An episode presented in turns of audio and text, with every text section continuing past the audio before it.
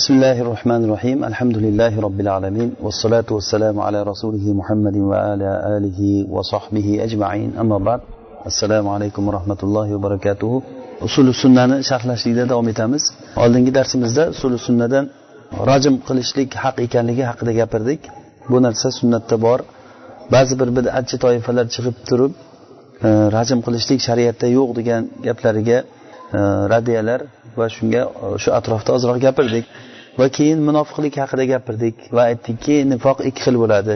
Nifoq e'tiqodiy va nifoq amaliy. Qur'onda kelgan munofiqlar e, do'zaxni to'rida bo'ladi. Ular do'zaxdan abadiy chiqmaydi degan munofiqlar ular e'tiqodiy munofiqlar ekanligini aytdik.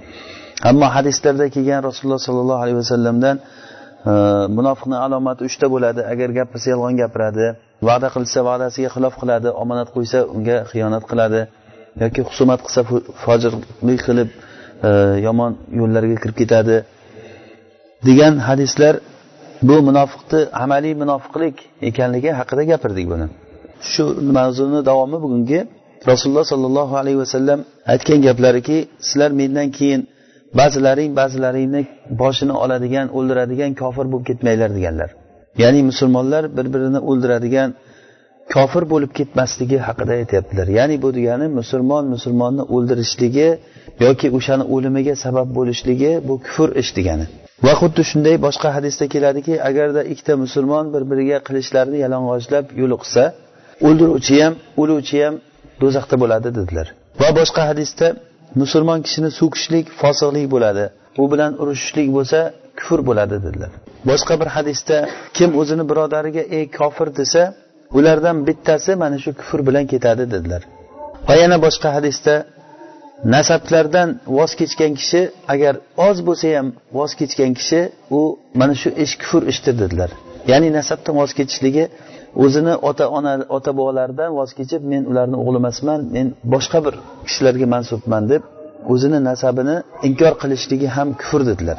Imom ahmad rahimaulloh mana shu hadislarni keltirgandan keyin aytadilarki mana shunga o'xshagan hadislar sahiy bo'lgan hadislar bizgacha saqlanib kelgan mahfuz hadislar biz bu hadislarga taslim bo'lamiz. Agarchi uni tafsirini bilmasak ham va bu haqda biz gapirmaymiz ya'ni gapirmaymiz degani bu haqda tortishmaymiz va unda talash tortish qilmaymiz va bu hadislarni qanday kelgan bo'lsa shunday tafsir qilamiz va undan ko'ra haqliroq yaxshiroq bir narsa bilan bu hadislarga javob beramiz. Ya'ni hozirgi kelgan hadislarda bu kufr bo'lishligi haqida aytilyapti ya'ni musulmon kishini o'ldirishlik kofirlik deyapti. Musulmon kishini o'ldirishlik kofirlik deyapti. Mana shu narsalar hammasi ulamolar kufrni ikkiga bo'lganda kufri e'tiqodiy va kufri amaliy o'sha kufri amaliysiga kiradi bu. Bu degani kufrun duna kufr. Ya'ni bir kufr bor uni pastrog'ida bir kufr bor degani. Kufrun duna kufr degani. Bu bilan kishi kofir bo'lib ketmaydi. ya'ni amaliy kofir bo'ladi bu bu ma'siyat bo'ladi ma'siyat bo'ladi buni qilgan kishi ma'siyat ishini qilgan bo'ladi lekin do'zaxda mangu qoladigan abadiy qolib ketadigan holatda bo'lmaydi bu keyingi matnni davomida shayx rahimaulloh aytadilar jannat va do'zax bu yaratilgan ikkalasi ham al jannat va nar maxluqatan قد خلقتا كما جاء عن رسول الله صلى الله عليه وسلم دخلت الجنة فرأيت قصرا ورأيت الكوثر واطلعت في الجنة فرأيت أكثر أهلها كذا واطلعت في النار فرأيت كذا وكذا degan gaplari ya'ni jannat bilan do'zax yaratilgan u hozir mavjud bu bir qancha asrlarda kelgan oyatlarda kelgan uiddat lil muttaqin uiddat lil kafirin deb ya'ni jannat taqvodor kishilarga tayyorlab qo'yilgan do'zax kofirlar uchun tayyorlab qo'yilgan Sahih hadislarda bir qancha hadislar va bir qancha oyatlarda jannat va do'zax bor ekanligi hozir mavjud ekanligi yaratilgan ekanligi kelgan. Bu bir qancha hadislarda kelgan buni inkor qilgan kishi bu millatdan chiqib qoladi. Inkor qilgan kishi bu millatdan chiqib qoladi. Mo'taziliylar jannatni yaratilmagan deb aytgan. Jannat va do'zax yaratilmagan deb aytgan. Nimagaki ular o'zlaricha bitta botil bir aslni qo'ygan va barcha zalolatlarni mana shu asl bo'yicha olib kelib gapiravergan. Ya'ni ularni asli shuki ularni asli olloh taologa falon ishni qilishlik vojib bo'ladi alloh taologa falon ishni qilmaslik vojib bo'ladi qilishlik durust bo'lmaydi degan qoidani qo'ygan. Ya'ni ular aytishadiki alloh taolo hakim hikmatli zot. Hikmatli zot hech qachon behikmat bir behudaga bir ish qilmaydi. Agar jannatni hozir yaratib qo'yilsa behudaga yaratib qo'ygan bo'ladi hali odam kirmasdan tayyorlab qo'yilgan bo'ladi.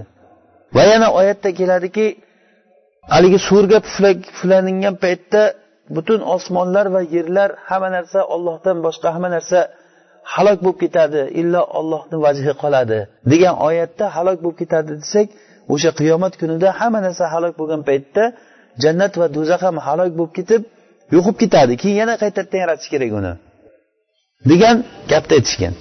Bu fikrlari bilan o'zlarini hayollari bilan aytilingan gap vaholanki bir qancha oyatlarda bir qancha hadislarda jannat va do'zax yaratilingan hozir u tayyor. Rasululloh sollallohu alayhi vasallam men jannatga kirdim jannatga qaradim deganlar jannatga kirdimiz qaradim deganlar jannatga qaradim va uni ko'p ahli faqirlar ekanligini ko'rdim do'zaxga qaradim uni ko'p ahli ayollar ekanligini ko'rdim dedilar. Va namoz o'qib turgan joylarida rasululloh sollallohu alayhi vasallam qo'llarini oldinga qilib ozroq oldinga qarab yurdilar va orqaga qaytdilar. Sahobalar hayron qolishdi. Ey rasululloh siz hech qilmagan ishni qildingiz deganlarida rasululloh aytdilarki menga jannat ko'rsatilindi dedilar. Va jannatda bir uzum mevasini ko'rdim shuni olaman deb qo'limni cho'zdim deganlar. Va do'zax ko'rsatilindi menga o'shanda do'zaxdan orqaga tisarildim deganlar. Mana bu narsalar haq bu. Va qabrga kirgan paytda mo'min kishiga har kuni har kuni uni jannatiy kishi bo'layotgan bo'lsa jannatdan bo'lgan o'rni ko'rsatib qo'yiladi. Unga mana shu seni qiyomat kuni borayotgan joying deb turib ko'rsatib turiladi. Agar kofir kishi bo'layotgan bo'lsa do'zaxdan bo'lgan joyi unga ko'rsatib qo'yiladi. Har kuni mana shu sen qiyomat bo'lgan paytda seni boradigan joying shu deb do'zax ko'rsatib turiladi. Agar mo'min kishi o'ladigan bo'lsa alloh taolo aytar ekanki meni bandam to'g'ri gapirdi qabrda savol javob bo'lgan paytda robbing kim payg'ambaring kim dining nima degan uchta savol bo'lganda shu savollarga javob bergandan keyin bir nido qiluvchi nido qilar ekanki bu bandam to'g'ri gapirdi. Unga jannatdan bir to'shak to'shab beringlar va jannatdan unga bir eshik ochib qo'yinglar der ekan. Shu jannatni hidlaridan uni xushbo'y shamollaridan buni qabriga kelib turadi. Bu odam ey robbim tezroq qiyomatni qoyim qilgin men ahlimni oldiga tezroq borayin deb aytadi. Va kofir kishi bo'layotgan bo'lsa buni aksi robbing kim deganda tili kalimaga kelmasdan hoh hoh deb qolar ekan. Odamlar nimadir deyatuvdi men ham shuni aytganman bilmayman deydi. Payg'ambarimiz sallallohu alayhi vasallamni ko'rsatib bu shaxsni taniysanmi bu kishini deganda hoh hoh deb aytar ekan men bilmayman. Odamlar nimadir degan men ham aytganman. Deganda sen hech qachon bilmagansan bu narsani. Deb turib shunday bir qattiq nima bilan qo'lidagi gurzusi bilan urar ekan. O'shanda bir qattiq qichqiradi inson va jindan boshqa hamma maxluqotlar bu narsani eshitar ekan qichqirig'ini osmondan bir nido qiluvchi nido qilar ekanki bu banda yolg'onchi bu. Yolg'on gapiryapti bu. Unga do'zaxdan bitta to'shak to'shab beringlar va do'zaxdan qabriga eshik ochib qo'yinglar. Uni do'zaxni yomon shamol issiq shamollaridan va zaharidan kelib tursin deb aytadi. Mana bu sahih hadisda buxoriyda muslimda kelgan hadislarda bir qancha asarlar hadislar to'lib toshib ketganki jannat va do'zax yaratilingan. Hozir u tayyor turibdi.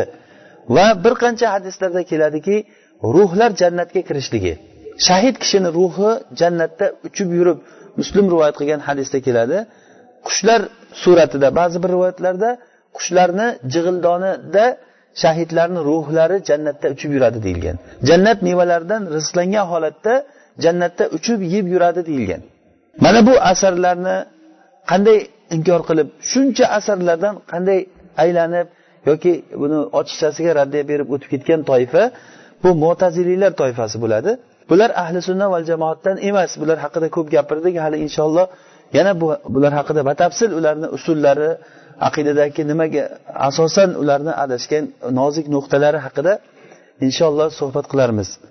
Ularni eng katta adashgan joyi botil asli alloh taologa nima vojib bo'ladi vojib bo'lmaydi degan o'zlaricha majburiyat qo'ygan. Ollohga mumkin emas bunday deyishligi degan. Ollohga mumkin emas bunday deyishligi degan. Ollohni gapirishligi mumkin emas deyishgan. Hattoki ularni o'sha kattasi jahm ibn sofvon degan kishi unga agar aytgan ekanki menga agarda shu olloh taolo gapiradi deb ibn masuddan eshitsam yolg'on gapiryapsan bekor aytibsan deb aytaman degan. Agar rasulullohni o'zi aytsa menga rasulullohni o'zi aytsa ey rasululloh jibrildan siz xato eshitgansiz deb aytaman degan. Agar jibrildan eshitsam yo'q robbil izzadan sen eshitmagansan buni deb aytaman degan. Robbil izzani o'zidan eshitsam ey robbim seni ulug'ligingga bu narsa to'g'ri kelmaydi sen bunday demaysan deb aytaman degan. Qur'onda aytilingan ochiq alloh taolo musoga gapirdi degan narsalarni o'sha jad ibn dirham degan kishilar mo'taziliylar bular shu narsalarni inkor qilgan. Alloh subhanahu va taolo gapirishligini va ibrohim alayhissalomni halil qilib o'ziga olganligini ollohni sifatlarini va bir qancha narsalarni inkor qilgan. Shulardan bittasi mana bugun o'rganayotganimiz jannat va do'zaxni mavjud emas deb aytadi ular. Bu narsa qur'ondagi va hadisdagi bir qancha e, oyat hadislarga teskari gap bu. Kimki agarda jannat va do'zax yaratilinmagan desa u qur'onni yolg'onchiga chiqargan bo'ladi. Qur'onda uiddat lil muttaqin degan jannatni biz tayyorlab qo'ydik. Taqvodorlar uchun tayyorlangan jannat degan gaplarni yo'q unday emas degani bo'ladi. Va rasululloh sollallohu alayhi vasallamni hadislarini u yolg'onchiga chiqargan bo'ladi. Men bu odamni jannat va do'zaxga iymon keltiradi deb hisoblamayman dedilar imom ahmad rahimaulloh haqiqatdan oyatda ochiq kelib turgan narsalarni undoq emas. Yo'q jannat va do'zax hozir yo'q u keyin alloh taolo uni yaratadi degan gaplar bir qancha oyat va hadislarni ma'nosiga ochiq zohiriga teskari gaplar bular. Jannat va do'zax abadiy doim bo'ladimi yoki ular yo'qolib ketadimi deganda bu narsada e, ko'pchilik odamlar bu narsada xilof qilishgan. E, shundan ahli sunna va jamoatni tanlagan narsasini aytamiz biz. Jannat va do'zax abadiy bo'ladi. Ya'ni qiyomat kuni bo'lgandan keyin jannat ahli jannatga kirgandan keyin do'zax ahli do'zaxga kirgandan keyin jannat ham tugamaydi do'zax ham tugamaydi. Bu nususlarda kelgan dalillar shuni ko'rsatadi. Va antum fiha xolidun oyati masalan. Sizlar jannatda doim bo'lasizlar hech qachon undan chiqmaysizlar jannatdan degan. Yoki do'zaxda do'zaxga kirgan odamlar innallazina kafaru min ahlil kitabi val mushrikina fi nari jahannama xolidina fiha. Ular unda abadiy nimada do'zaxda doim bo'ladi deyilgan. Mana shu oyat va hadislarni yig'indisi bilan tushunilganda jannat va do'zax doimiy bo'ladi hech qachon tugamaydi. Ba'zi toifalar do'zax tugab ketadi deyishgan. Va buni ahli sunna va jamoatdagi xilof bu narsa. Sahobalardan umar va ibn masud mana shu gapni aytishgan. Ya'ni do'zax yo'qib ketadi borib borib turib do'zax yo'qolib ketadi lekin jannat mangu qoladi deyishgan. Ba'zilar do'zax ham jannat ham yo'qolib ketadi degan. Ba'zilar do'zaxda azoblangan kishilar azoblanib turib turib keyin borib borib do'zax ularga rohat bir joyga aylanib qoladi o'rganib qoladi do'zaxgada tabiati do'zaxni tabiatiga aylanib qolib ular maza qiladigan bo'lib qoladi. Bu narsa muhiddid ibn arabiydan naql qilinadi. Muhiddid ibn arabiyni bilasizlar u hulul va ittihodda aytgan aqidadagi eng adashgan toifalardan biri falsafadagi kishilardan bittasi. Islom ummatiga juda katta xiyonat qilgan juda katta bir munkar bir aqidani shariatga musulmonlarni ichiga kirgizgan odam bo'ladi. Unga musulmon ulamolar fuqarolar fatvo berib uni kofirligiga fatvo berib u qatl qilingan. Xilofat davrida u odam qatl qilingan. O'sha odam aytgan do'zaxda tabiatlari o'rganib qolib turib o'sha keyin rohatlanadigan bo'lib qoladi degan. Lekin do'zax yo'qolib ketadi degan narsa ahli sunnani ichidagi xilof. Buni ba'zi sahobalar ham aytgan. Umar ibn hattobga o'xshagan ibn masudga o'xshagan sahobalar ham do'zax yo'qolib ketadi degan lekin jannat mangu qoladi degan. Ammo rojih bo'lgan gap jumhur aimmalarni so'zlari sahobalar va aimmalarni e, hammasini gaplari shuki do'zax ham jannat ham tugamaydi bu abadul abidin qoladi. Unda ollohdan nima farq qoladi uni? Desa ularni turishligi ollohni turg'izishligi bilan bo'ladi. Ya'ni alloh taolo u narsalarni o'shalarni o'zi vujudga keltirishligi bilan bo'ladi lekin ollohni zoti o'zi bizatihi mavjud bo'lgan zot bu. O'sha uchun shunday e'tiqod qilamizki jannatga kirgan kishi u yerda qiyinchilik bo'lmaydi. Alloh taolo nasib qilsin hammamizni shu jannatga kirishlikni. Qisqagina bir hayotda alloh taoloni agar olloh sizdan rozi bo'ladigan bo'lsa shu jannatga kirsangiz alloh taolo agar nasib qilgan bo'lsa bu jannatda nima xohlasangiz bor? Ko'z ko'rmagan quloq eshitmagan odamni xayoliga kelmagan narsalar bor. Bu narsa taqvodor odamlar uchun tayyorlab qo'yilgan narsa. Eng quvonchlisi shuki u tugamaydi. Xolidina fiha abada. Unda abadiy tugamaydi. Hech qachon tugamaydi u narsa. O'zi asli bunda bir mazhablar sakkizta mazhab bor edi. Men shu mazhablarni hammasini qog'ozga tushirib e, o'qib berishni o'ylab ko'rgandim lekin bu narsa bizga unchalik hozir nima emas. Hozir bizga e, asosiy narsa ahli sunna val jamoatda biz o'zimiz e'tiqod qilayotgan narsa qolishligi. Demak biz e'tiqod qilamizki jannat va do'zax hozir bor tayyorlangan va ularni mavjudligi abadul abidin mavjud bo'lib qoladi. Ular yo'qolib ketmaydi hech qachon. Jannat ham do'zax ham yo'qolib ketmaydi. U nihoyasiz abadul abidin oxirigacha bo'laveradi oxiri yo'q uni degani endi shunday e'tiqod qilamiz bu usuli sunnadagi eng oxirgi bizni o'rganadigan bo'limi ومن مات من أهل القبلة موحدا يصلى عليه ويستغفر له ولا يحجب عنه الاستغفار ولا تترك الصلاة عليه لذنب أذنبه صغيرا كان أو كبيرا أمره إلى الله تعالى أهل قبلة kimki agar tavhidda o'ladigan bo'lsa unga janoza namozi o'qilinadi va unga istig'for so'ralinadi va undan istig'for so'rashlik to'sib qo'yilmaydi va unga janoza namozini o'qishlik bir gunoh ishni qilganligi sababli janoza namozini tashlab qo'yilmaydi u gunohi sag'ira gunoh bo'lsin yoki kabira gunoh bo'lsin lekin uni ishi ollohga topshirib qo'yiladi degan. Mana bu narsa ham ahli sunna val jamoatni ko'rinishlaridan bittasi. Bu juda ham muhim bo'lgan asllardan bu asl ilgarigi aytgan takfir masalasini davomi o'laroq. Takfir masalasida biz aytgan edik bunda havorijlar tamoman bu tomonga o'tib ketib butun musulmonlarni qonini halol deb ularni kofirga chiqardi. Bu tomonda murjialar qanaqangi gunoh qilsa ham sohibiga ta'sir qilmaydi iymon keltirgandan keyin gunoh ta'sir qilmaydi deyishdi. Ahli sunna val jamoa mana shularni bu bilan buni o'rtasida bo'ldi bular. Ahli sunna val jamoa bu toifa bilan bu toifani o'rtasida ya'ni biz aytmaymiz iymon keltirgandan keyin gunoh ta'sir qilmaydi nima gunoh qilsang qilaver demaymiz. Va havorijlar aytganday gunoh ishni qilishligi bilan sohibi kofir bo'lib qoladi demaymiz bu. Bu ana shuni aytishlik musulmonlarni kofirga chiqarishlik bu havorijlarni va ahli bidatni alomatlaridan biri. Havorijlar va ahli bidatlarni ko'rinishligidan biri. Va bularni narigi tarafida nima ma'siyat qilsa hech narsa emas qilaversin degan odamlar bular murjialar deyiladi. Ular havorijlarni murjialar ikkovsi bir biriga zid bo'lgan toifa. Ikkalasi ham ahli sunna val jamoatdan emas. Ikkalasi ham chiqib qolgan. Bittasi musulmonlarni kofir deydi bittasi bo'lsa musulmonlarga nima gunoh ish qilsa ham nima qilsa ham hech narsa qilmaydi qilaversin nima bo'lsa ham deydi. Ta'sir qilmaydi deydi. Bizni ahli sunna val jamoani e'tiqod qilgan narsamiz shuki gunoh ish qilishligi bilan unga janoza namozi tashlab qo'yilmaydi bitta sharti bor iymon bilan o'lishligi sharti bilan. Tavhidda o'lishlik sharti bilan. Agar musulmon bo'lib turib o'lsa qancha gunohni qilgan bo'lsa ham gunohi kabirani qilgan bo'lsa ham sag'ira bo'lsa ham odam o'ldirgan bo'lsa ham aroq ichgan bo'lsa ham zino qilgan bo'lsa ham zino qilish holatida o'lgan bo'lsa ham aroq ichgan holatda mast holatda o'lgan bo'lsa ham o'zini o'zi o'ldirgan bo'lsa ham bu odamga janoza namozi tark qilinmaydi. Janoza namozini tark qilishlik kofir odamga janoza namozi o'qilinmaydi asli mana shu janoza namozi o'qilishlikdagi holatda odamlar to'rt toifa bo'ladi. Birinchi toifa solih mo'min kishilar. Ya'ni solih mo'min kishi o'ldi. Unga janoza namozini o'qishlik janoza namozini o'qishlik bizni har birimizni vojibimiz bu. Ya'ni bu vojibi kifoyi deyiladi.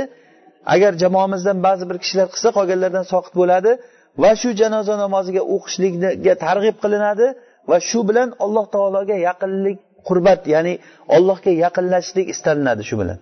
Bu solih mo'min kishi. Ikkinchisi mo'min kishiyu lekin ma'siyatlari bor bo'lgan odam. Ya'ni gunoh ishlar qilib yuradigan odam. Mana bu odamga ham janoza namozi o'qilinadi. Uni ma'siyati ollohga u. Janoza namozini o'qimasa gunohkor bo'ladi. Kim o'qimasa o'sha men o'qimayman shuni desa gunohkor bo'ladi. Uchinchisi uchinchisi xos ma'siyati bor bo'lgan odam. Ya'ni xos ma'siyati qanaqa? Masalan ma'siyatini jahriy qilgan bo'lishi mumkin. Ma'siyatni agar oshkor qilsa mana bu odamga zajr qilishlik uchun bunga tanbeh bo'lishlik uchun va shu va shunga o'xshagan odamlarga. Endi bu odam o'ldi bu.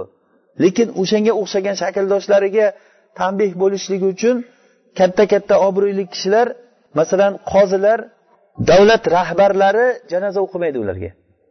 Qozilar o'qimaydi imomlar o'qimaydi. Muftiylar ya'ni ko'zga ko'ringan odamlar ulamolardan katta katta olimlar bo'lsa odamlar unga ergashadigan olim kishilar borib janozasini o'qimaydi uni. U kim? Ma'siyatni jahriy qilgan odam. Ya'ni xos bir o'ziga yarasha odamlardan ajralgan bir ma'siyati bor bo'lgan odam. Aytaylik bidatga chaqiruvchi bo'lgan odam bo'lgan. Bidatchi lekin o'sha bidatga chaqiruvchi bo'lgan odam. Mana shu uchinchisi bo'ladi. Bunga lekin boshqa odamlar namoz o'qimasa gunohkor bo'ladi odamlar hammasi. Unga ulamolar o'sha boya aytganimizdek muftiylar qozilar e, xalifa bunga namoz o'qimaydi. Namoz o'qimaydiyu lekin g'oyibona uni haqqiga duo qiladi. Hech kimga eshittirmasdan duo qiladi. Alloh taolo uni kechirsin deb g'oyibona o'sha odamni mo'minligi e'tibori bilan o'shani haqqiga duo qiladi. To'rtinchisi munofiq kishi. Munofiq odam bu munofiqni ikki xil holati bor. Bir holati borki munofiq o'zini munofiqligini oshkor qilgan munofiqlar bor. Zindiq deyiladi uni otini. munofiqligi oshkor bo'lgan bunga janoza o'qilinmaydi rasululloh sollallohu alayhi vasallam abdulloh ibn ubay ibn salulga janoza namozini o'qiganliklarida o'shanda mana tavba surasida keladi ولا تصلي على أحد منهم مات أبدا ولا تقم على قبره إنهم كفروا بالله ورسوله وماتوا وهم كافرون أو وماتوا وهم فاسقون ular munofiqlardan o'lganiga bundan keyin umuman janoza namozi o'qimang deyildi Rasululloh sollallohu alayhi vasallam ubay ibn salul o'lgan paytda janoza namozini o'qishlik uchun mayitni oldiga chiqdilar. O'shanda umar turib janoza bilan rasulullohni o'rtasiga qarshi turib olgan. Ey rasululloh bu munofiq bu janozasini o'qimaysiz degan. Janozasini o'qimaysiz bu munofiqni deganlarida keyin rasululloh sollallohu alayhi vasallam umarga aytdilarki men bunga ixtiyor qilindim. Ya'ni oyatda istag'fir lahum aw la tastag'fir lahum. In tastag'fir lahum sab'ina marratan falan yaghfirallohu lahum. Oyatida unga istig'for so'raysanmi istig'for so'ramaysanmi agar ularga sen yetmish marta istig'for so'rasang ham farqi yo'q u. Deyilganda agar yetmishtadan ziyoda istig'for so'rasa kechirilishligimni kechirilishligini bilsam men ularga istig'for so'ragan bo'lardim dedilar rasululloh sallallohu alayhi vasallam. Va umarga aytdiki men ixtiyor qilindim men unga janoza namozi o'qishlikni ixtiyor qildim dedilarda umarni tortib orqaga o'tkazib qo'yib janoza namozini o'qidilar. Va o'qib o'tgandan keyin rasululloh hatto o'sha abdulloh ibn ubay o'lganligida kafanlash uchun ko'ylak rasulullohni ko'ylagini so'rab keldi o'g'li. Ey rasululloh ko'ylagingizni bering otamni shunga kafanlayman deb. Rasululloh ko'ylagini yechib berdilar. Rasulullohni ko'ylagiga kafanlandi munofiq odam. Bir umr nifoqda yashagan nifoqi zohir bo'lgan odam rasulullohni ko'ylagida rasululloh sollallohu alayhi vasallamni ko'ylagiga kafanlandilar. Ya'ni bunda ulamolar har xil tavil qilishadi. Shulardan biri rasulullohni amakilari abbos badr g'azotida asr bo'lib tushgan paytida badr g'azotida u kishi kofirlar tarafidan kelgan. O'shanda asr bo'lib musulmonlarni qo'liga tushgan. Shunda kiyimi yo'q bo'lib yalang'och bo'lib qolgan u kishi. Abbos yalang'och bo'lib qolganda rasululloh sollallohu alayhi vasallam o'zini amakisiga rahmlari kelib shunga bir ko'ylak beringlar deganda abbos juda bo'ylik gavdalik odam bo'lgan ekan. Abbosga shu abdullohni ko'ylagi to'g'ri kelgan abdulloh ibn ubayni. Abdulloh ibn ubay ko'ylagini bergan ekan. O'sha qilgan yaxshiligiga mukofot shu dunyoda bo'lsin oxiratda menga hech narsa qolmasin shuni deb turib rasululloh amakisiga qilgan yaxshiligi uchun ko'ylagini berganlar deyiladi. Yoki buni orqasida boshqa bir tavillar ham bor. Rasululloh sollallohu alayhi vasallam aytganlarki agar buni orqasida ko'pchilik odam turibdi o'shalarni islomga kelishligi menga yaxshiroq deganlar. Uni o'g'li bo'lgan abdulloh ibn ubay ibn salulni o'g'li abdulloh bo'lgan. Juda ham muxlis islomi go'zal bo'lgan sahobiylardan bo'lgan. Hatto rasulullohga kelib ey rasululloh meni otam munofiq bo'lgan menga buyuring men otamni o'ldiray degan. Agar otamni o'ldirmoqchi bo'lsangiz boshqaga aytmang degan menga ayting degan. Boshqaga aytsangiz meni qalbimda otamga nisbatan keyin hamiyat paydo bo'lib meni otamni o'ldirgan deb bir munofiq uchun bitta mo'minni yomon ko'rib qolmayin degan. Undan ko'ra o'zimga ayting o'zim o'ldiraman degan. Shu darajagacha o'g'li mana shu gapni aytishlikkacha borgan lekin rasululloh sollallohu alayhi vasallam hech bir munofiqni o'ldirishlikka buyurmaganlar. Hatto sahobalar so'ragan paytda ham umar ibn hattob bir necha marotaba rasulullohdan talab qilgan o'ldirish kerak bularni deganda rasululloh aytganlarki yo'q bu bo'lmaydi chunki odamlar nima deydi muhammad o'zini ashoblarini o'ldiryapti deb aytadi degan. Demak u o'ldirishlikni orqasidan foyda bormi? Ziyon bor foyda ham bor. Ziyon ham bor lekin ziyoni u foydasidan ming marta katta degani. O'sha uchun munofiqlarni o'ldirishlik degan narsa u esdan chiqarish kerak tamomiy e, shariatda yo'q bo'lgan narsa. To'g'ri kelmaydi bu narsa. Agar to'g'ri kelganda rasululloh sollallohu alayhi vasallam abdulloh ibn ubayni o'ldirgan bo'lardilar. Yo'q o'ldirmadilar. Mana shu munofiq kishiga janoza o'qishlikda endi. Biz yana mavzumizga qaytamiz. Odamlar to'rt xil bo'ladi o'lgan kishi dedik. Birinchisi solih mo'min kishi.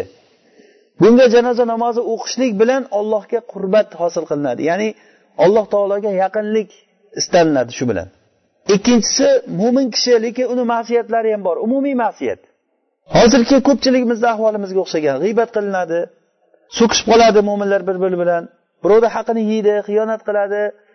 Ba'zan nomahramlarga qaraydi boshqa bo'ladi mana shunday bir sunnatlarga amal qilmaydi mana shunday holatlardagi umumiy ma'siyatlar.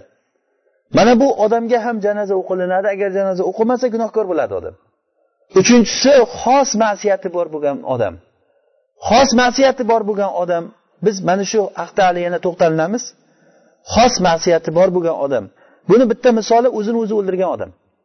O'zini o'ldirgan odam nima nima qilgan? U ma'siyatni jahriy qilgan odam bo'ladi. Shu yerda yana mavzudan ozroq chekka chiqamiz. Ma'siyatni jahriy qilishlik bilan ma'siyatni qilishlik o'rtasida katta farq bor. Ma'siyatni qilishlik bir ish uni jahriy qilishlik yana unga qo'shimcha bir ish. Bir odam uyida hech kim ko'rmagan joyda gunoh ish qildi. Gunoh ish qildi. Keyin tashqariga chiqib turib odamlarga men shu gunoh ishni qildim dedi. Gunohni qilganligi kattaroqmi yoki chiqib odamlarga gapirgani kattaroqmi bilmadim uni. Eng yomon u yomonligiga yana yomonlik ziyoda qo'shilinadi ma'siyatni qilgan odam o'zi qilmaslik kerak ma'siyatni. Lekin olloh asrasin agar qilib qo'ysa ham bu narsani olloh sizni satr qildimi satr qiling uni. Masturligicha qolsin. Ma'siyatni oshkor qilishlik bu shariatni yo'q bo'lishligiga olib keladi. Shariatda bitta shariatdan bitta mustahab ish ham yo'qolib ketishligiga yo'l qo'yilmaydi. Hattoki agar bir shahar ahli kelishsaki bir mustahab ishni qilmaymiz deb. O'zi mustahab ish. Shuni qilmaymiz deb kelishib olsa islom ummatiga bosh bo'lib turgan xalifa o'sha shaharga urush e'lon qiladiki shu mustahabni tiklash uchun. Bu urushda qancha odamlar o'lib ketishligi mumkin qancha vayronagarchilik bo'lishligi mumkin. Lekin bo'lsa bo'lsin lekin shariatni nimasi nomusi toptalmasin. Shariatni haqqiga hech qachon jinoyat qilinmaydi. Ma'siyatni jahriy qilishlikda mana shu shariatni oyoq osti qilishlik bor. Mana shuning uchun ham ma'siyatni qilishlik o'zi bir yomon narsa uni jahriy qilishlik undan ham ko'ra yomon narsa. Aroq ichib ko'chaga chiqib yurgan odam ma'siyatni jahriy qilgani aytilinadi. Bemalol mast bo'lib dabdirab odamlar ichida yurgan odam bu ma'siyatni oshkor qilgan odam hisoblanadi. Agar o'sha holatda o'lib qolsa uni janozasini solih katta bir xalqlar unga ergashadigan kishilar o'qimasi kerak. Xuddiki rasululloh sollallohu alayhi vasallam islomni boshida qarzdor kishilarni janozasini o'qimaganlar. Bir kishi mayit olib kelinsa bu qarzi bormi deb so'rardilar. Qarzi bor deyilsa birodarlaringga janoza o'qinglar deb o'zlari chiqib ketardilar. Sahobalar o'zlari o'qib o'zlari ko'mardi.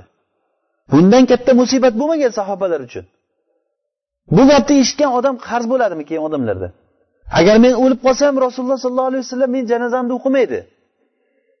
Bu qattiq bir o'sha qarzga mahkam turilinganligi uchun odamlar umuman qarz olmaslikka harakat qilgan. Keyin islomda futuhatlar bo'lib ancha baytul molda pullar bo'lgandan keyin rasululloh aytdilarki men mo'minlardan ko'ra o'zlaridan ko'ra ularga avloroqman. Kimki agar qarzi bo'lsa men to'layman deganlar. Agar uni merosi bo'lsa merosxo'rlarga tarqatilinadi deganlar keyin undan keyin qarzi bor odamga so'rar ekan qarzi bormi? deb qarzi bor desa qancha? edi deb o'zlari to'lar ekanlar. Janozasini o'qiganlar keyin. Demak qarzdor odamni janozasini nima uchun o'qimaganlar? Odamlar qarz ishiga e'tiborsiz bo'lib qolmasligi uchun. Mana shu janozani o'qimaslik mana shu bobdan bo'ladi. O'zini o'zi osib o'ldirgan odam. O'zini o'zi osib o'ldirishlik bu ma'siyat ishni jahriy qilish degani. Xuddi ko'chaga aroq ichib chiqqanday odamday gap. O'zini o'zi osib o'ldirgan odam agar mo'min bo'lsa mo'min kishi albatta biz mo'min kishi haqida gapiryapmiz hozir. Agar mo'min bo'layotgan bo'lsa o'zini o'zi osib o'ldirayotgan bo'lsa unga janoza namozi o'qimasa gunohkor bo'ladi hamma odamlar. O'qish kerak kimdir o'qish kerak unga. Lekin unga boyagi aytganimizdek xalq unga ergashadigan odamlar janoza o'qimaydi unga. Ulamolar muftiylar qozilar va rahbarlar odamlar unga ko'zga ko'ringan odamlar janoza o'qimaslik kerak unga. Nimagaki bu odam va bundan keyingi odamlarga ham bu ibrat bo'lsin. O'zini o'zi osib o'ldirishlik. Odamlarda bir nima bu? Bir yilda bizda bir rayonda bir yilda yigirma ikkita odam o'zini o'zi osib o'ldirdi. Bir yilni ichida. Yigirma ikkita odam o'zini o'zi osib o'ldirgan. Kinodan ko'rgan boshqa bari yoshlar. Bir biri bilan kelishmay qolgan yoki yigit bilan qiz bir narsa bo'lgan olib berasan degan otasiga olib bermagan o'zini o'zi osib qo'yavergan mana bunaqangi narsalar judayam rivojlanib ketganligini oldini olishlikni yo'llaridan biri yo'llardan biri hammasi emas bu. Unga janoza namozini sharafli kishilar o'qimasligi bo'ladi. Ya'ni sharafli deganligimiz odamlarda ko'zga ko'ringan e, odamlar unga ergashadigan odamlar bo'ladi. Demak janoza namozida haqida odamlar to'rt xil bo'ldi yana takrorlaymiz. Solih kishilar buni janozasini albatta o'qish kerak. Ikkinchisi mo'min kishi ma'siyati bor qanaqa ma'siyat? Umumiy ma'siyatlari bor. Ya'ni ma'siyatni jahriy qilgan emas bu odam. Yoki bidat qilib bidatga chaqiruvchi emas bu. Xatokor mo'minlar ma'siyat ishlarini qilgan mana buni ham janozasi o'qilinadi. Uchinchisi ma'siyati bor xos ma'siyati bor bo'lgan odam. Bu xos ma'siyatiga misol o'zini o'zi o'ldirganligi ma'siyatni jahriy qilganligi yoki bir bidatchi o'zini bidatiga chaqiruvchi odam. Odamlarni bidatga chaqirib kelgan bir umr. Ogohlantirgansiz e, e, chaqirgansiz uni chaqirg'izga javob bermaydi. Mana shu odam o'lsa men uni janozasini o'qimayman desa bir olim kishi u bidatchi edi uni men janozasini o'qimayman desa bo'ladi u. O'sha balki avlaroq ham bo'ladi o'shani holatida. Bu bob shunday narsaki bu juda ham nozik bob. Buni eslasanglar hajrul mubtadi degan bobda buni mana shu usul sunnani boshlarida darslarimizda batafsil gapirgandik. Ya'ni bidatchi kishini hajr qilishlik bobida. Bidatchi kishini hajr qilishlik bobi xuddiki tabib kasalga dori berishlikka o'xshaydi. Bir kasal dori bo'lib kasal bo'lib kelsa bir kishi tabib unga dorini qancha beradi? O'sha kasalini miqdoricha beradi. Ko'p berib yubormaydi ham kam ham bermaydi. Bidatchini agar kasal deydigan bo'lsangiz olim kishi o'sha bidatchiga beriladigan zarbani keragicha beradi. Oshiq berib yubormang undan haddan oshirib. Ba'zi kishilar bidatga raddiya berishlikda fujurga o'tib ketadi. O'sha bidatga raddiya beraman deb turib o'zi ham fojir qilib fojirlik bilan qo'pol gaplar bilan so'kadi. U bidatchi bo'layotgan bo'lsa bu qaytaruvchi odam fojir bo'lyapti. Yoki ba'zi kishilar tamomiy bu tarafda e'tiborsiz bidatchi kishilar bilan birga osh qattiq bo'lib yuraveradi. Ma'siyatni qilayotgan kishilar bilan birga yuraveradi. Ishi yo'q o'shani hajr qilmaydi. Demak bu bobni insho nimada eslasanglar ko'p gapirgandik. Hajr to'g'risida. Ho'p. To'rtinchisi munofiq kishi. Munofiq ikki xil bo'ladi dedik. Munofiq ikki xil bo'ladi. Bir munofiq bor zindiq ya'ni nifoqini oshkor qilgan odam abdulloh ibn ubayga o'xshagan bu munofiq oshkor bo'lib qolgan odam odamlar ichida ba'zi bir kishilarga nisbatan judayam oshkor bo'lib qoladi. U munofiqligini oshkor qiladi musulmonlarni qarshisiga ziyon ishlar qiladi joshlik qiladi yo boshqa qiladi. Nifoqi ancha odamlarni ichida alloh taolo uni basharasini ochib tashlagan odamlar bo'ladi. Mana bunday odam bo'layotgan bo'lsa agar judayam oshkor ishi oshkor bo'lib ketgan bo'lsa janozasini o'qimaslik kerak uni. Lekin uni u qiyin unday bo'lishlik u holatni tasavvur qilishligimiz qiyinroq. Ikkinchi munofiqlik u ikkinchi munofiqlik xos munofiqlik. Ya'ni u ba'zi bir shaxslarga nisbatan uni munofiqligi aniq bo'lgan ommaga emas. Shaxslarga nisbatan uni munofiqligi zohir bo'lgan bo'ladi. Rasululloh sollallohu alayhi vasallam e, huzayfat ibn yamanga huzayfat ibn yaman roziyallohu anhuga ba'zi munofiqlarni ismma ism aytib ketdilar. Falonchi falonchi falonchilar munofiq deb aytganlar. Huzayfa o'shalarni namozini borib janoza namozini o'qimasdi. Demak huzayfaga nisbatan o'sha odamlar aniq bo'lgan. Chunki rasululloh aytyapti agar rasululloh tirik bo'lganlarida o'shalar janozasini o'qirmidi o'sha munofiqlarni. Albatta o'qimasdi buni ikkilanmay aytamiz. Oyat tushib turibdiku vala tusolli ala ahadi minhum mata abadan. Bu muhkam bo'lib qoldi abadan degandan keyin bu mansuhlikni qabul qilmaydigan xabar bo'ldi. ولا تصلي على أحد منهم مات أبدا ولا تقوم على قبره. إنهم كفروا بالله ورسوله. Ular kofir ular deyapti. Munofiqni lug'aviy ma'nosi va istilohiy ma'nosini kechagi darsimizda gapirgandik. Munofiq kishi kofir deyiladi. Demak bu munofiq ba'zi bir kishiga nisbatan munofiq bo'ladi. Hozir shu jamiyatda yashaydigan o'sha sahobalarni jamiyatida yashab turgan munofiqlar ular rasululloh sollallohu alayhi vasallamni shahodatlari bilan munofiqligi aytilindi. Lekin bu yerda ba'zi bir nozik nuqtalar bor biz to'xtalishimiz kerak. Savol nima uchun rasululloh sollallohu alayhi vasallam shu munofiqlarni bilib turib huzayfaga sir yo'l bilan aytdilarda ommaga ishkor qilmadilar. Matbuotga tarqatmadi buni.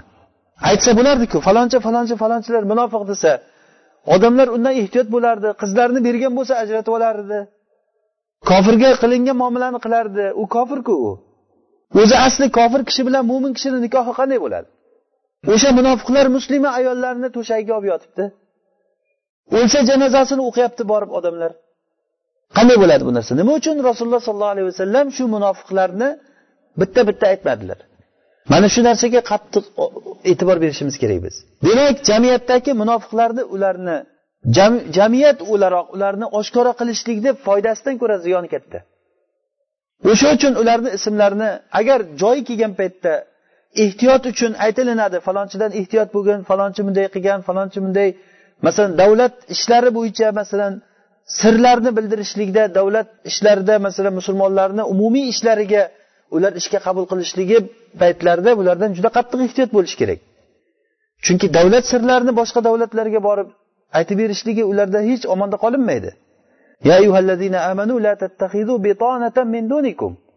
Sizlar o'zlaringdan boshqa odamlardan o'zlaringga yaqin tutib olmanglar ya'ni mo'minemas kishilarni o'zlaringga yaqin tutmanglar. La ya'lunakum xobala ular sizlarga ziyon berishlikda hech charchamaydi. E shuncha yomonlik qildi bo'ldida degan gapni bilmaydi ular. Sizlar qancha qiynalsanglar shuncha yaxshi ko'radi ular. Ularni g'azablari og'zidan chiqib turadi. Musulmonlarga bo'lgan nafrati musulmonlarni yomon ko'rishligi ularni og'zidan o'zi o'pirib turadi. Va qalblari yashirgan narsa bundanda kattaroq. Akbar. Biz sizlarga oyatlarni bayon qildik. Buyog'ini o'zlaring bilasizlar qani nima qilasizlar rasululloh sollallohu alayhi vasallam munofiqlarni oshkor qilib odamlarga aytmadilar lekin qiziq joyi shundaki hikmat rasululloh ularni bilganliklarini bildirib ketdilar. Rasululloh ularni bilganliklarini huzayfaga aytib ketdilar. Huzayfa juda ham sir saqlovchi kishi edi. Bu kishi mashhur edi sir saqlashlik bilan. Hattoki sahobalar borib nimaga senga aytdi bizga aytmadi deganda chunki men hech kimga aytmayman deganlar. Umar ibn hattob kelib turib qasam ichib so'rar ekan ey huzayfa olloh nomi bilan qasam ichib so'rayman. Rasululloh munofiqlar safida men aytuvdimmi yo'qmi? degan. Shunda yo'q aytmovdi lekin sendan keyin hech kimga aytmayman degan hamma kelib turib o'zini tekshirtirib ketadi bundan keyin. Bunda sirligi qolmaydi bu gapni demak mana shu narsa bizga juda ham bir katta bir manhaj katta bir foydali bir yo'l beradiki munofiqlarni oshkor qilmaslik bu yaxshi bo'lar ekan. Lekin qachon umuman jamiyat o'laroq oshkor qilinmaydi? Lekin ularga agar ehtiyoj tug'ilsa xudonda bo'lishlikda yoki boshqa bir diniy vazifalarda dunyoviy vazifalarda davlat ishlari ishonib topshirilgan paytda ular ularni holatidan ogohlantiriladi. Bilayotgan odamlar borib aytishi kerak. Hozir o'sha to'rtinchi holatdagi munofiqimiz ikkiga bo'lindi. Munofiq bor munofiqligi oshkor bo'lgan hamma bilgan zindiq. Zindiqlar deyiladi ular falsafachilarga o'xshagan. Falsafachilar muhiddin arabiyga o'xshaganlar ular nafaqat munofiq uni kofirligi oshkor bo'lgan odamlar ular. Uni janozasi o'qilinmaydi uni hech kim o'qimaydi uni janozasini. Ammo bir toifa odam borki munofiq lekin uni munofiqligini omma oshkor bilmaydi. Ba'zi bir odamlar biladi. Masalan sizga nisbatan bir kishi munofiq ekanligi siz aniq bilasiz. Kerak bo'lsa o'zi sizga aytgan. Men o'zi ishonmayman bu narsalarga hammasiga. Kim ko'rib ketdi qiyomatni degan. Endi hozir yoshimiz katta bo'lib qolgan noqulay masjidga bormasak ham bo'lmaydi shuning uchun borib yuribman degan sizga. Masjiddagi odamlarga aytadiki yo alhamdulillah mo'minmiz musulmonmiz deydi namoz o'qiydi. Masjiddagi odamlarga nisbatan u mo'min ko'rinadi lekin xos bir kishiga nisbatanchi u munofiq u. O'sha odamni agar o'lib qolsa janozasini siz o'qimasligingiz kerak. Agar o'qisangiz mana shu oyatga xilof ish qilgan bo'lasiz. Munofiqlarni janozasini o'qimang degan. Lekin yana bitta muhim joyi o'sha odamni janozasini o'qimanglar bu munofiq deb siz oshkor qilmaysiz. Mana shu oshkor qilmasligingizda jamiyatda katta foydasi bor. Bu narsa foyda bilan ziyon o'lchangan paytda agar ziyoni katta bo'lib ketsa o'sha katta ziyon uchun kichkina foydadan kechilinadi. Hozir siz shu munofiqni oshkor qilishligingizda foyda bor qandaydir? Ya'ni mo'minlar ehtiyot bo'ladi o'sha odam kerak bo'lsa o'sha qaytib qolishligi mumkin. Ehtimol sharmanda bo'lganligidan lekin munofiq odam qaytib qolishligi olloh biladi u qalbdagi narsa u. Bugun sizga oshkor qilgan bo'lsa ertaga boshqa gapni gapiradi keyin. Kerak bo'lsa sizni ham sizga ham tuhmat qiladi. Buni o'zi ham menga shunday degandi deydi. Siz unga bir narsa desangiz u ham sizga bir narsa deydi. O'rtada katta bir janjal chiqadi jamiyatda kelishmovchilik chiqadi. Qilmoqchi bo'lgan foydangizdan yuz barobar katta ziyon kelib chiqadi. Ana shu uchun bir kishini munofiqligi bo'lsa xos bir munofiqligini siz bilsangiz agar o'ziz o'qimaysiz lekin odamlarni undan ogohlantirmaysiz xuddiki huzayfaga o'xshab. Huzayfa yaman rasululloh aytgan munofiqlarni odamlarga aytmadiyu kimligini. Lekin janozasiga o'zlari bormasdi. Shuning uchun ham umar ibn hattob qarab yurardiki huzayfa janozaga bormagan odam janozasiga bormagan ekan. Ya'ni u bilardi o'ylardiki u kishi huzayfa bormadimi demak u munofiq degan. Huzayfa bormagan janozaga u kishi ham bormagan. Bu endi xos holat bu. Lekin umumiy holatda munofiqni ishi ollohga u. Munofiqlik u qalbda bo'layotgan narsa. Biz kechagi darsimizda munofiqni ikkiga bo'lib aytdik. Nifoq ikki xil bo'lar ekan. Nifoq amaliy va nifoqi e'tiqodiy. Nifoqi e'tiqodiy u qalbda bo'layotgan narsa. Uni ollohdan boshqa hech kim bilmaydi. Qalbdagi e'tiqodini o'zi chiqarib qo'yishligi mumkin ba'zan.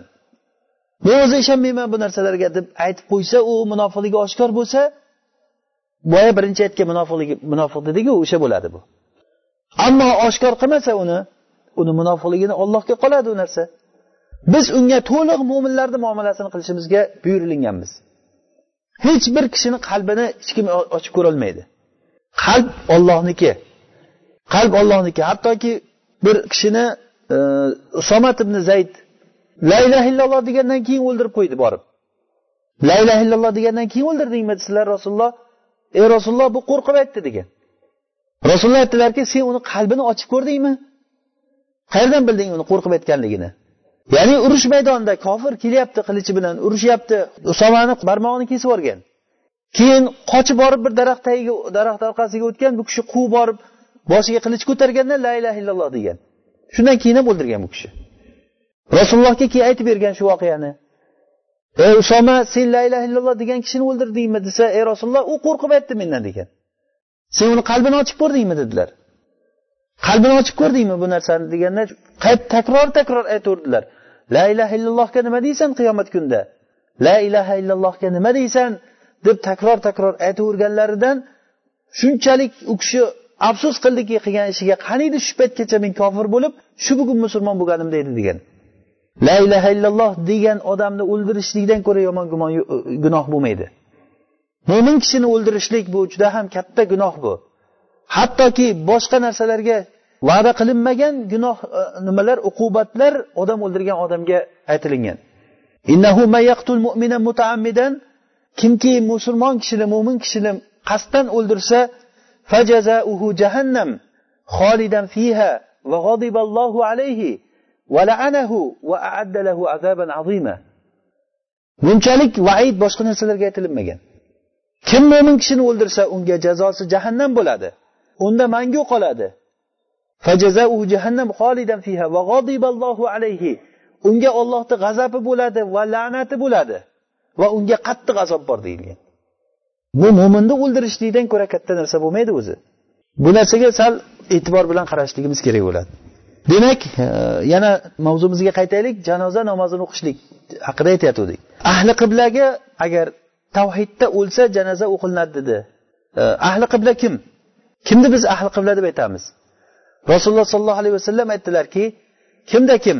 Agarda bizni qiblamizga qarab namoz o'qisa man solla solatana vastaqbala qiblatana va bizni qiblamizga qarab namoz o'qisa va bizni so'ygan jonliqlarimizdan yesa qurbonligimizdan mana shu kishiga musulmonni zimmasi bo'ladi deganlar.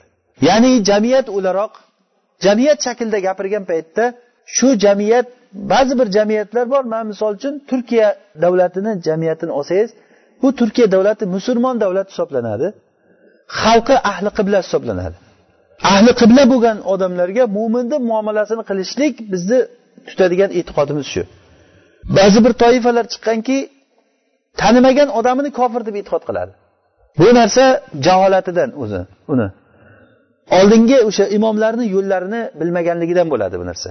Biz tanimagan odamimizni uni yurtiga nisbat qilib o'sha xalqiga yashab turgan joyiga qarab aytamiz. Masalan mavaron nahr xalqlari ahli qibla hisoblanadi. O'lsa janozasini o'qiyapti odamlar. Odamlarga qarasangiz musulmon masjidlarda namoz o'qilinyapti hamma joyda zohir. Har qanday odamga borib sen kofirsan desangiz nima deydi? Katta janjal qiladi siz bilan. U hech qachon men kofirman demaydi. Mo'min musulmon odamlarmiz deb davo qiladi ular. Demak mana shu jamiyat ahli qibla hisoblanadi. Ahli qibladan kimki o'lsa biz uni janozasini o'qiymiz va janozani o'qishlikdagi tafsilotni hozir aytgan to'rtta holatga ko'ra bo'ladi. Uni janozasini tashlab qo'ymaymiz.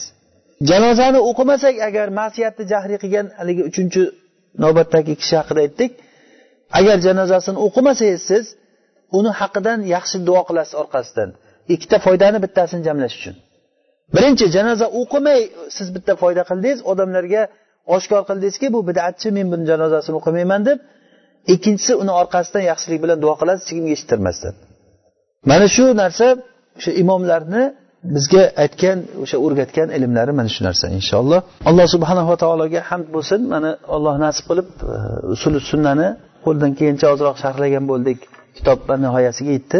Bugungi darsimiz oxirgisi edi. E, bu narsa hozir aytgan narsalarimiz har biri ahli sunna val jamoatdagi kishilarni ahli sunna val jamoani e, bir manhajiy bir yo'llari.